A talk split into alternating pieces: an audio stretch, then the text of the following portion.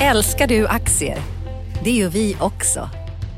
Sea Worldwide Asset Management är en av Nordens största oberoende aktiva aktieförvaltare och har samlad kunskap sedan 1986. Ta del av vår kunskap på seaworldwide.se. Bokstaven C, worldwide.se.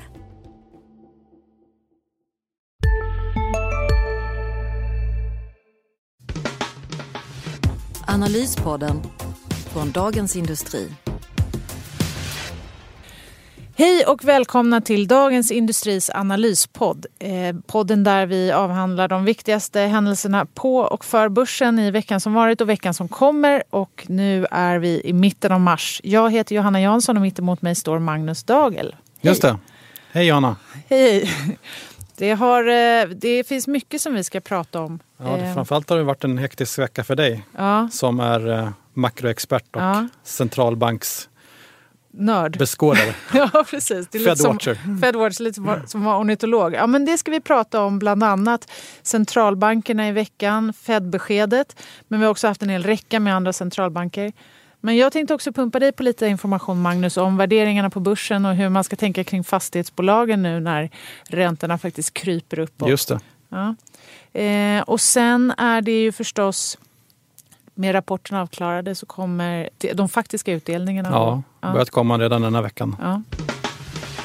Vad tycker du? Ska vi börja med centralbankerna så har vi det avklarat? Just det, det kan ja. vara skönt att det avklarat. Ja. Jag tycker att eh, alltså det, var, det har varit både, apropå det här med ornitologerna, då, det har varit både höker och duvor eh, ute här i veckan. Fed-beskedet var ju som väntat, man höjde med 25 punkter. Men eh, om de som hade varit rädda för att Fed skulle bli betydligt mer hökaktiga blev nog lättade. Ehm, och eh, det var ju för att de inte flaggade för fler höjningar än vad de, vad de har sagt att de skulle göra tidigare. Utan tre höjningar faststår både 2017 och sen tre ytterligare höjningar 2018. Just det. Ja. Glädjerally på det. Mm. Och vad tyckte du om beskedet? Det är gradvis. Liksom. Centralbankerna är ju sega i vändningarna så att säga. Så det var väl det var rimligt och det är ju rätt att fortsätta höja. Ehm, för att jag menar, annars så kantrar ju den här centralbanksbåten. Det går väldigt bra i amerikansk ekonomi så mm. varför skulle de inte höja räntan?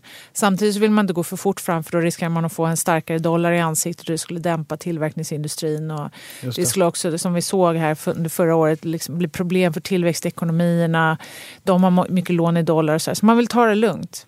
Men som sagt, det lite mer duvaktiga beskedet gav ju upphov till ett lättnadsrally här, eller lättnadsrally, men det i kombination med det, det holländska valet här samma dag som Fed-beskedet, eh, 14 mars, så, ja, så fick vi, eh, så fick vi liksom ett, en, ytterligare ett rally på börsen. Just det. Mm. Jag tyckte det är intressant är ju att eh, amerikanska långa räntorna har ju tagit fart uppåt igen här. Mm. Eh, och där är de ju på en betydligt högre nivå än vad de är i, i Sverige och Europa. 2,6 procent är den långa amerikanska räntan om jag inte minns fel. Mm. Exakt.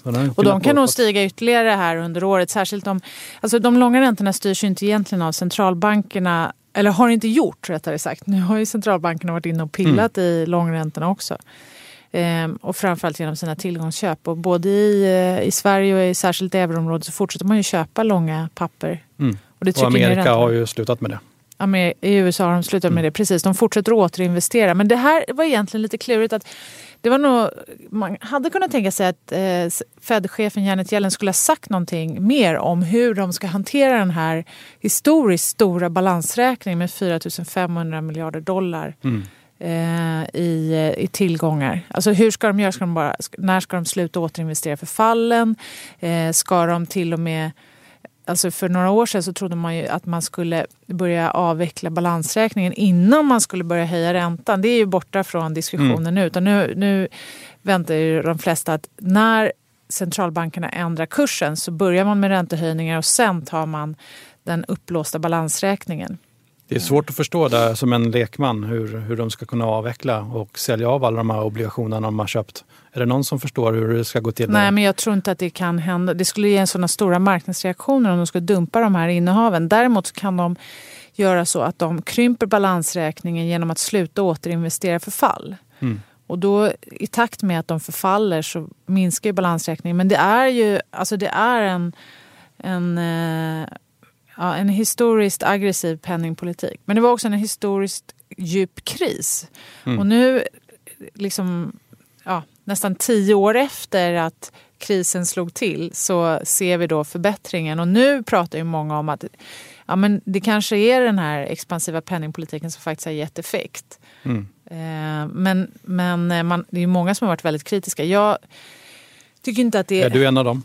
Nej, men jag, är no, jag tillhör inte det absolut mest kritiska lägret. För jag tänker så här, vad, hade, vad hade varit alternativet? Det vi ser som är så otroligt eh, negativt. Hade, man inte, hade inte centralbankerna gjort någonting så hade vi fått en mycket högre arbetslöshet till exempel. Och vi ser hur hur farligt det kan vara. I de länder i Europa nu som har, står inför de här populistiska strömningarna. Det är ju mycket värre i länder där man har en svag utveckling, svag ekonomisk utveckling och med en hög arbetslöshet. Och kollar man till exempel på veckans val i Nederländerna så det var ju, liksom, skulle ju vara en temperaturmätare inför kommande val här i, eh, mm. i euroområdet i år. Och som sådan så var det väl en lättnad mm. såklart att eh, eh den sittande liberal konservativa regeringen med Mark Rutte ändå fick förnyat förtroende.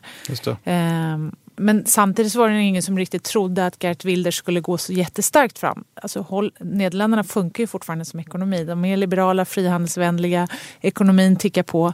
Det ger en sämre grogrund för, för såna här populistpartier, eller missnöjespartier. Just det. Men om vi tittar på Sverige då, tror du att om Riksbanken inte hade använt de här massiva stödköpen och de här ultralåga räntorna, tror du att tillväxten, hur har det påverkat tillväxten tror du i Sverige då? Det har absolut lyft tillväxten men jag, det är en skillnad mellan vad man har gjort, tycker jag i och för sig, i USA och i euroområdet jämfört med Sverige. Jag var inte, tyckte inte det var så kontroversiellt att Riksbanken sänkte till minus. För mig var det en ganska, mm. alltså varför inte?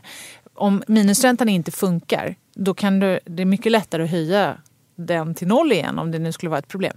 Däremot så tycker jag att det har varit betydligt mer kontroversiellt att de har gjort de här stora stödköpen. Det för mig har inte alls varit lika självklart. Det är också något som är mycket svårare att snurra mm. tillbaka. Men du måste väl också säga att det är helt sjukt att en ekonomi som växer 3% har negativ ränta ja. och här i Stockholm växer väl BNP med 5% och ha negativ ränta då, det, det kan ju inte vara sunt, eller hur? Ja, men grejen är så här, Riksbanken har inget mål för tillväxten. Sen så är det klart man kan säga att ja, men de borde väl ta hänsyn till det. Men de försökte med det. De försökte ta hänsyn till massa andra saker innan skuldkrisen slog till i euroområdet. Och då eh, fick de problem. De började ju höja räntan 2010 och framåt. Inflationen blev för låg. Avtalsrörelsen skrek alla om att det inte skulle bli några löneökningar och det blev, det blev stökigt. Och de har en uppgift än så länge och det är att hålla det här inflationsmålet. Och sen liksom, det som hände när Riksbanken tog hänsyn till skuldsättning det var att andra tycker jag gömde sig bakom deras politik. Men nu ser vi ju, och det är rätt intressant egentligen, tycker jag, eh, det som har skett de senaste dagarna. Att när Riksbanken då släppte, kanske lite väl mycket, men ändå har släppt fokus på hushållens skuldsättning. Då har ju debatten kommit igång mycket kraftigare om vad man egentligen ska göra för mm. att få hushållens skuldsättning att inte bli så liksom, riskabel. Och bara här nu eh, nyligen i veckan så var det en debattartikel från KD i Dagens Industri där man pratade om incitamenten för bankerna att låna ut bolån. Mm. Varför, är, varför är bankerna så villiga att låna ut till bolån trots att bolåneskulden är på historiskt höga nivåer i Sverige. Men det är betydligt mm. kinkigare att få Därför lån som företag. Därför att det är historiskt låga kreditförluster. Det är historiskt låga... Exakt, men då tittar man ju bara i backspegeln, eller mm, hur? Och, det, men, och sen kan man fråga sig, ska, hur ska, det finns massa grejer man kan prata om kring det här. Men det är bra att vi pratar om dem då istället och inte bara om Riksbankens styrränta. För att om den är... Eh, den hade varit låg även om den inte hade varit på minus. Mm. Och hushållsskulden har växt snabbt länge så det är någonting annat också som ligger där och kokar. Och det mm. handlar ju om liksom utbud av bostäder och sådär. Mm. Men några som har ridit på den vågen här med låga räntor det är ju fastighetsbolagen. Just det, och det kommer en större uppdatering nästa vecka om, mm. om det. Signerad Magnus Dagel. Just det, precis. Så nu går igenom lite vad boksluten och så. Men det är även lite en diskussion om räntorna som vi har fört där. Då. Jag tittar lite grann på Stibor också som ligger på negativa territorier. Och det är alltså räntan som bankerna använder eh, för att låna ut till varandra. Mm, och en tre månaders ränta. Ja, man, och det är också en eh, en slags referensränta som alla fastighetsbolagen egentligen använder och får av banken när man lånar, tar banklån så att säga. Så den är väldigt viktig och den är ofta den är kopplad helt enkelt till, till, till bank, bankernas utlåning. Då. Just det, den är kopplad till den korta styrräntan men den innehåller också lite riskpremie, eller hur? Ja, och det ser man ju. Den har historiskt legat högre än, än, än styrräntan. Jag tittar lite grann på eh, finanskrisen. Det är ju nästan tio år sedan nu. Tiden går fort. Men då, då gick ju Stibor upp till 5,5 procent som högst där. Och det var ju svettigt för många, inte minst fastighetsbolagen och som mm. har sina belåning kopplat till den och sina räntor kopplat till den. Vad säger de fastighetsbolagen framöver? Du har ju skrivit om det förut också. Ja, just det. Nej, men jag tillhör nog det läge som inte riktigt är så orolig för inflationsdriven ränteuppgång i varje fall. Eh, däremot så är jag mer rädd om det skulle hända någonting, alltså en bankkris, om det skulle hända någonting med Stibor som går upp kraftigt. Det skulle vara väldigt svårt för, för fastighetsbolagen.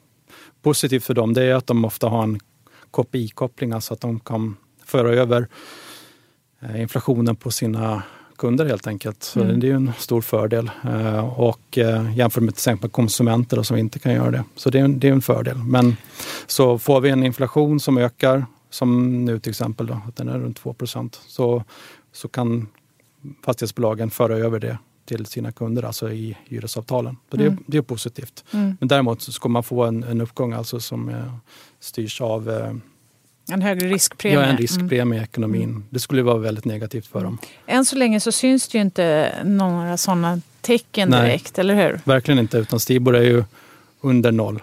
Väldigt nedpressade nivåer. Och det här med riskpremien, det är det som har tryckts ner av centralbankernas stödköp. Det, är, alltså, det finns flera delar i liksom, både korta och långa räntor. Och det är, mm. Men framförallt de lite längre räntorna. Då. Det är dels en löptidspremie men sen så också en riskpremie. Och de här stora aggressiva eh, tillgångsköpen som vi har haft då, de, sen finanskrisen både i USA, i Asien och i Europa har tryckt ner den här riskpremien. Till och med kan det ha varit så att den var negativ under mm. en period. Mm. Och nu när man då ska anpassa sig tillbaka till något mer normalt då vill man ju att det ska ske mm. lagom takt. Just det. Ja. Så korta svaret det är ju att skulle det bli någon slags störning där, att Stibor ska gå upp kraftigt, att man får mm. någon slags bankoro, mm. då skulle jag bli orolig för fastighetsbolagen. Mm. Det skulle vara negativt, tydligt negativt. Men eh, blir det en inflationsdriven uppgång då är jag inte liksom lika negativ. Nej. Faktiskt. Tror du att, men du tänker att man oroar sig för fastighetssektorn och det vi pratar om med bolånen? Och så. Ja, lite för mycket. Men å andra sidan så ser man att bostadsutvecklarna har ju gått starkt på börsen till exempel. Mm. Och de, de är ju räntekänsliga om något i och med mm. att deras kunder kan ju inte föra över inflation på sina kunder. De har ju inga kunder på det sättet. Så där är det ju, och de har ju gått starkt. Som, så det är lite konstig nedgång kan man säga tycker jag.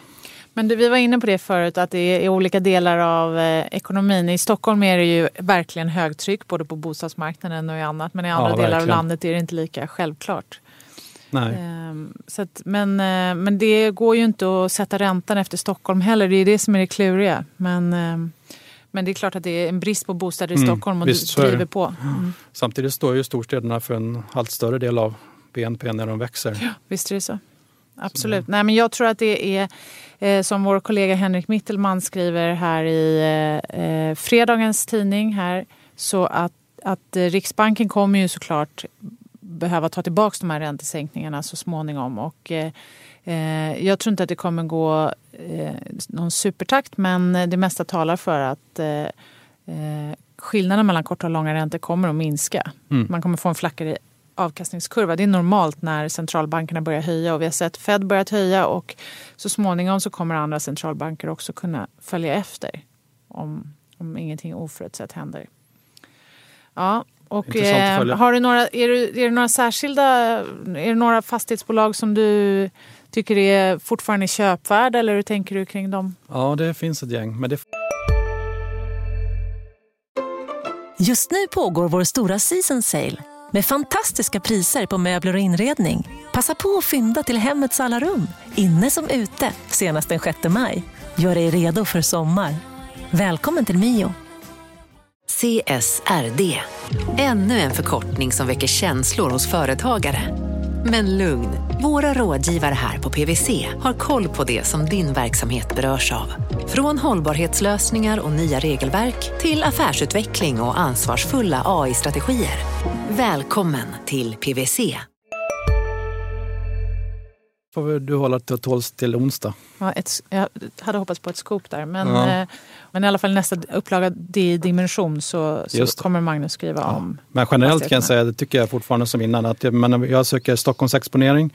Jag söker bolag med eh, stora mm, marktillgångar, alltså projektfastigheter som ofta är väldigt lågprissatta. Mm. Eh, försöker hitta bolag som, eh, fastighetsbolag som är, handlas under substanserna så man kan få Mm. dem billigt. tycker jag är bra. Mm. Så de, de, de tre eh, faktorerna. Är det något, om man går vidare till eh, en annan, vi sa att vi skulle prata lite om utdelningarna nu. Som sagt, när rapporterna är avklarade, boksluten är avklarade så väntar stämmor och utdelningar. Ja. Mm.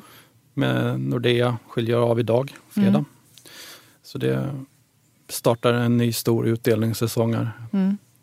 Men det är någonting som har hänt också när det gäller, när det gäller utdelningarna. Det är fler som delar upp dem, eller? Just det, det skrev jag en artikel om. Mm. Här. Mm, precis, så det är, man, det är fortfarande ganska eh, modest. Då. Det, är ett, det är ett gäng, 15-20 stycken som gör det. Vad är bakgrunden till det? Ja, jag tror att det dels har man sneglat på utlandet och Amerika. Där delar man ju upp det på fyra gånger per år alltid. Och i ja, England, Storbritannien så delar man upp det på två gånger. Och jag tror att många bolag tycker att det gynnar deras verksamhet, alltså speglar deras kassaflödesprofil bättre. Ingen Eh, vill hålla pengar när räntan är låg? Nej, det också. Det kan ju vara en aspekt. Ja. Men, ehm, men att det passar bä- bättre deras in och utbetalningar så att säga istället för att dela ut en stor summa med pengar på våren. Där då. Eh, Det dränerar ju moderbolaget på, på kapital. Då.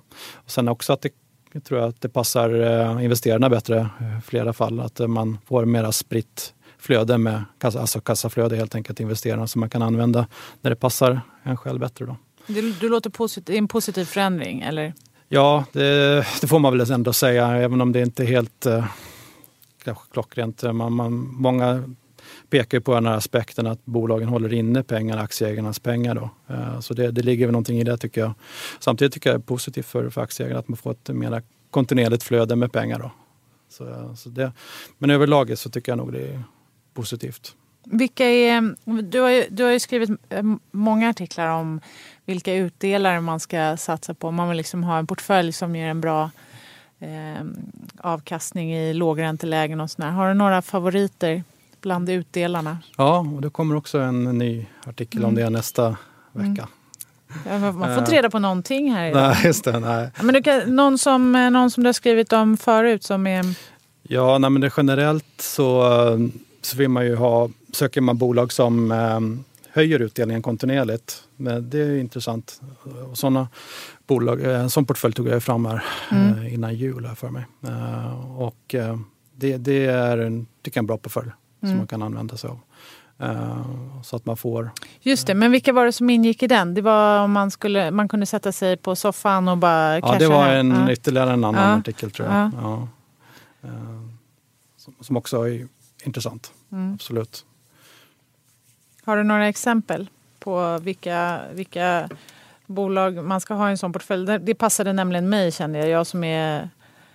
Jag vill gärna tänka långsiktigt, inte en, behöva ändra för mycket men har ingenting emot om det trillar in lite pengar fyra gånger om året. Ja, precis, jag tog ju fram tre olika portföljer. Då. Den ena var alltså högutdelare. Det är Mm. alltså teleoperatörer som Telia, Tele2, eh, bankerna. Sen en portfölj då som med kontinuerliga utdelningshöjare. Det var lite mindre. Det var bland Castellum, huvudstaden, som kontinuerligt höjer utdelningarna. Och sen den tredje portföljen var ju alltså preferensaktier då, som, ger, som är obligationsliknande som ger Mm. en 6-7 procent utdelning. Delar ut kvartalsvis då. Så det fanns tre stycken olika att välja på där. Då. Mm. Alla, alla är vettiga. Man kan ju kombinera ihop de här portföljerna. behöver inte ha en, utan du kan ju köpa alla tre portföljerna och få ett ganska kontinuerligt flöde med, med utdelningar som du kan återinvestera. Mm. Ehm, det är... När det gäller... Liksom, det känns ju tryggt med utdelningar, särskilt när räntorna har varit låga och räntefonder ger ju ingenting till exempel. Ehm, Nej, och men- det finns ju Ja. tvärtom risk i dem som Ja. vår kollega Henrik Mittelman Mm. skriver här. Och, att de riskerar ju för dålig avkastning om Mm, räntorna när går räntorna upp. stiger. Mm. Mm. Men överlag då, så det, efter då Fed och utan några större negativa överraskningar i det holländska valet så har det ju blivit ännu mer upphaussad stämning får man väl säga på börsen. Ja, det kan man väl säga. Tycker Går det för långt nu? Eller vad ja, det känns det, det börjar bli lite väl eh, eh, upp på så tycker jag. Man, man ser på, eh, i Amerika kommer ju den här eh, alltså, introduktionen av Snap Inc. Eh, som jag skrev lite om i början av veckan. Mm. Här och, med ett börsvärde på 230 miljarder drygt. Mm. Ungefär som lite mindre än Volvo alltså. Så det är extrema förväntningar på det. Och det, det är väl ett tecken i tiden att eh, penningmängden i världen och i Amerika är väldigt stor. tror jag. Riskaptiten är på topp. Mm. Uh, Riskaptiten har ju förbättrats. Man pratar om animal spirits efter att mm. Trump blev vald. Att man helt plötsligt så, så har den här oron som har legat som en våt filt över, ja, över tillgångs, vissa tillgångspriser i alla fall. Den har lyft. Så nu mm. är det mm. Nu är optimismen hög och även vår eh, kollega i New York, Peter Fellman, vittnar ju om att optimismen i USA är väldigt stark. Mm. Nu förväntar man sig att nu lyfter det verkligen. Mm. mm. Och eh, det är ju positivt mm. såklart. Och det, men det finns ju samtidigt orosmoment. Skulle, är det bara jag eller skulle det vara skönt om börsen tog en liten andhämtningspaus Nej, men det, så är det ju. Och även i Sverige så får man säga att värderingarna är höga. Man ser ju inte riktigt på aggregerad nivå, alltså på börsen. där För banken är ju en stor del av svenska börsen och drar ner värderingarna, håller ner det. De handlas ju på P 10, 12 då, 11, 12 mm. kanske. Ser man någon skillnad mellan, bankerna är stora bolag, om du jämför small cap, mid cap, large cap? Ja, där ser man ju att en, en del mid cap och småbolag börjar gå på väldigt höga nivåer tycker jag på P talen de har dragit iväg kraftigt. Och där, där, ser man ju att riskaptiten är väldigt hög. Mm. Därför det är, de som, det är då de går helt enkelt? Ja, mm. man säger det är småbolag som Garo till exempel. Men är du pessim alltså det finns, Vi är ju flera stycken här på analysredaktionen på DI och ibland så man kan ju alltid alla har ju olika läggning och är, man kan vara lite olika optimistisk och pessimistisk i olika lägen. Hur, hur känner du dig? Är du optimist eller pessimist om börsen det kommande året? Jag skulle säga att jag är försiktig och köpa. Jag gillar inte att köpa på höga värderingar generellt. Mm. Och det, jag gillar att köpa billigt till rabatt. rea, rea, rea människa. Ja, det låter ju Men klokt. det finns ju naturligtvis olika investerartyper. Mm. Finns det, någon, finns det något bolag som du tycker är tillräckligt, eller något bolag som du skulle vilja lyfta här och nu som är tillräckligt billigt för att våga slå till? Ja, veckans aktie var ju Bravida som jag skrev mm. om. Den, var, den är, tycker jag är fortfarande intressant. Mm. Ganska, inte jättebillig, det kan man inte säga, men den utvecklas väldigt bra och de rider ju på den eh, starka byggvågen som är i, i Sverige och i Norden. Uh, duktig ledning tycker jag. Uh, så den, den är något man kan flagga för. Samtidigt flera fastighetsbolag har ju kommit ner också till låga nivåer. handlas ganska kraftiga substansrabatter då, efter den här pessimismen som har varit då runt, runt räntan. Så det kan man också flagga för. Mm. Flera kommer ju med utdelning då, redan nästa vecka. Castellum i huvudstaden bland annat. För det kan man ju säga att eh, man ska ju vara, precis som du säger också, man ska vara försiktig såklart. Men ränten, och räntorna är ju så sakteliga på väg upp. Men mm. det är svårt att se att det ska bli, alltså det, man, ska, man ska ändå komma ihåg att centralbanker och andra har liksom sänkt sina bedömningar om vad räntan ska vara långsiktigt jämfört med för några år sedan. I USA i Fed säger att på lång sikt ska styrräntan upp till 3% Det är ju liksom nästan halva av vad den toppade på, har toppat på ganska Just det. I, ja, inom de senaste två decennierna. Så det är, det är uppåt men det är ingen tjurrusning på gång Nej. i räntorna än så länge. Så det nu verkar det till och med bli så att eh, att Riksbanken höjer inte styrräntan trots att inflationen nu verkar nå 2% Ja, nej, precis. De verkar vilja den, den var, vara väldigt säkra på... Precis. Inflationen är på 2 Men man kan säga så här, det är lite som ett pokerspel tänker jag. För du sa så här, är det inte hål i huvudet att ha så här låga räntor, man har så här hög tillväxt? Ja, det kan man säga. Men som sagt, återigen, Riksbanken har inte ett tillväxtmål. Men däremot så är ju ekonomin är ju nu i ett läge där de borde höja räntan, tycker jag. Eh, men, eh, men hade de vänt på en femöring nu då hade det varit som att de har spelat med en väldigt hög insats och sen slänger de bort det precis när det är dags att casha hem. Om du mm. förstår vad jag menar. Mm. Alltså de, I det här pokerspelet som de då har kört, nu måste de åtminstone följa den aggressiva strategi de har mm. lagt ut. Och det är ju rimligt. Så jag tror att mot slutet av året så kan man börja prata räntehöjningar. Men det är ingen idé att vara för tidig. Hur länge, lång tid tror du eh, inflationen måste vara runt 2 procent för, att, att, för att Riksbanken ska tyck, börja höja? Jag tycker att de kan eh, känna att de har bevisat att penningpolitiken fortfarande funkar. Och det var liksom det som var grejen. Därför det var det man började ifrågasätta när de började med den här aggressiva politiken. Att det spelar liksom ingen roll vad de gör med räntan. Men nu har ju de visat att visst, det går. De kan få upp inflationen.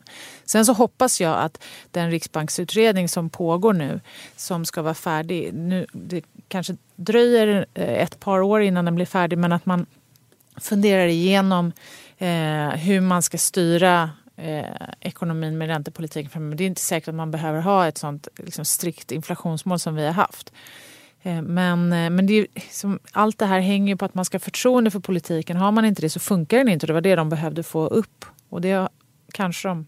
De har spelat högt. Vi får väl se hur de lyckas. Men, eh, eh men man ska komma ihåg att även Fed i USA har varit superkritiserad från republikanskt håll för att de har haft den här aggressiva politiken. Mm.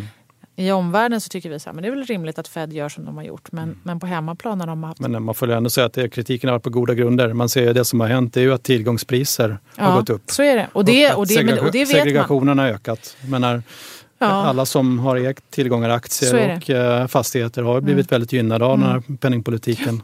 Men att de som inte haft det har blivit väldigt missgynnade. Så det... Eller de har i alla fall inte gynnats, Nej, men så. de har ju inte tappat pengar Alltså där, det hade varit mycket värre, och det är det jag menar. Så här, det värsta, eh, alltså gro, den värsta grogrunden för sociala problem är om arbetslösheten stiger. Och den här penningpolitiken som man har fört har ju varit i grund och botten för att man ska få en bättre arbetsmarknad också. Det har inte, sen är en bieffekt är att det verkar via tillgångspriserna och det må vara bra eller dåligt. Men, men, så jag håller med dig. Det finns absolut den, den aspekten. Och därför så tyckte jag att när vi var mitt under brinnande kris, då skulle man ha kört helikopterpengar. Men det är ju också väldigt kontroversiellt. Mm, Men det hade varit verkligen. en mer rättvis, eh, rättvis eh, expansiv politik. Men det vågade man inte då. Nej. Då hade man fått sett inflation på allvar. Det är möjligt att man hade sett inflation. Framförallt så hade man sett en, en jämnare fördelning mm. av liksom den här expansiva politiken. Men, mm. eh, men visst är det så. Det har gynnat de som har varit på börsen. Och på det. fastighetsmarknaden. Och på fastighetsmarknaden. Ja, alltså det finns så mycket grejer man kan prata om. Eh, och den här eh, liksom segdragna dramat om fastighetspriser och annat i Sverige kommer ju fortsätta både eh, i, säkert i den här podden och också framöver. Om vi blickar framåt bara, det som händer i veckan så det är inte jättemycket grejer på agendan. Eller? Nej, det Lite tycker rapporter. jag inte det ja. ja. och utdelningen som sagt börjar Precis. komma ytterligare några stycken till. Ja. Och några med brutet räkenskapsår som kommer också. Ja, Skistar bland annat. Just det. Skistar-rapport och sen mer politik. Vi har G20-möte i helgen och sen Eurogruppsmöte framöver och även Ekofin-möte så man kommer fortsätta tröska i EU de här eh, Brexit, eh, Grekland och eh, förmodligen kommer de ju också prata om vad man kan tänka sig inför det franska presidentvalet här i april-maj. Just det. Så politiken hänger kvar. Mm. Det blir Ska, intressant. Jag tackar för de här dryga 25 minuterna. Och sen ja, så, tack så mycket. Ja, och hoppas att ni lyssnar även framöver på Dagens Industris analyspodd. Tack! Tack så mycket. Analyspodden från Dagens Industri. Podden redigerades av Umami Produktion. Ansvarig utgivare Lotta Edling.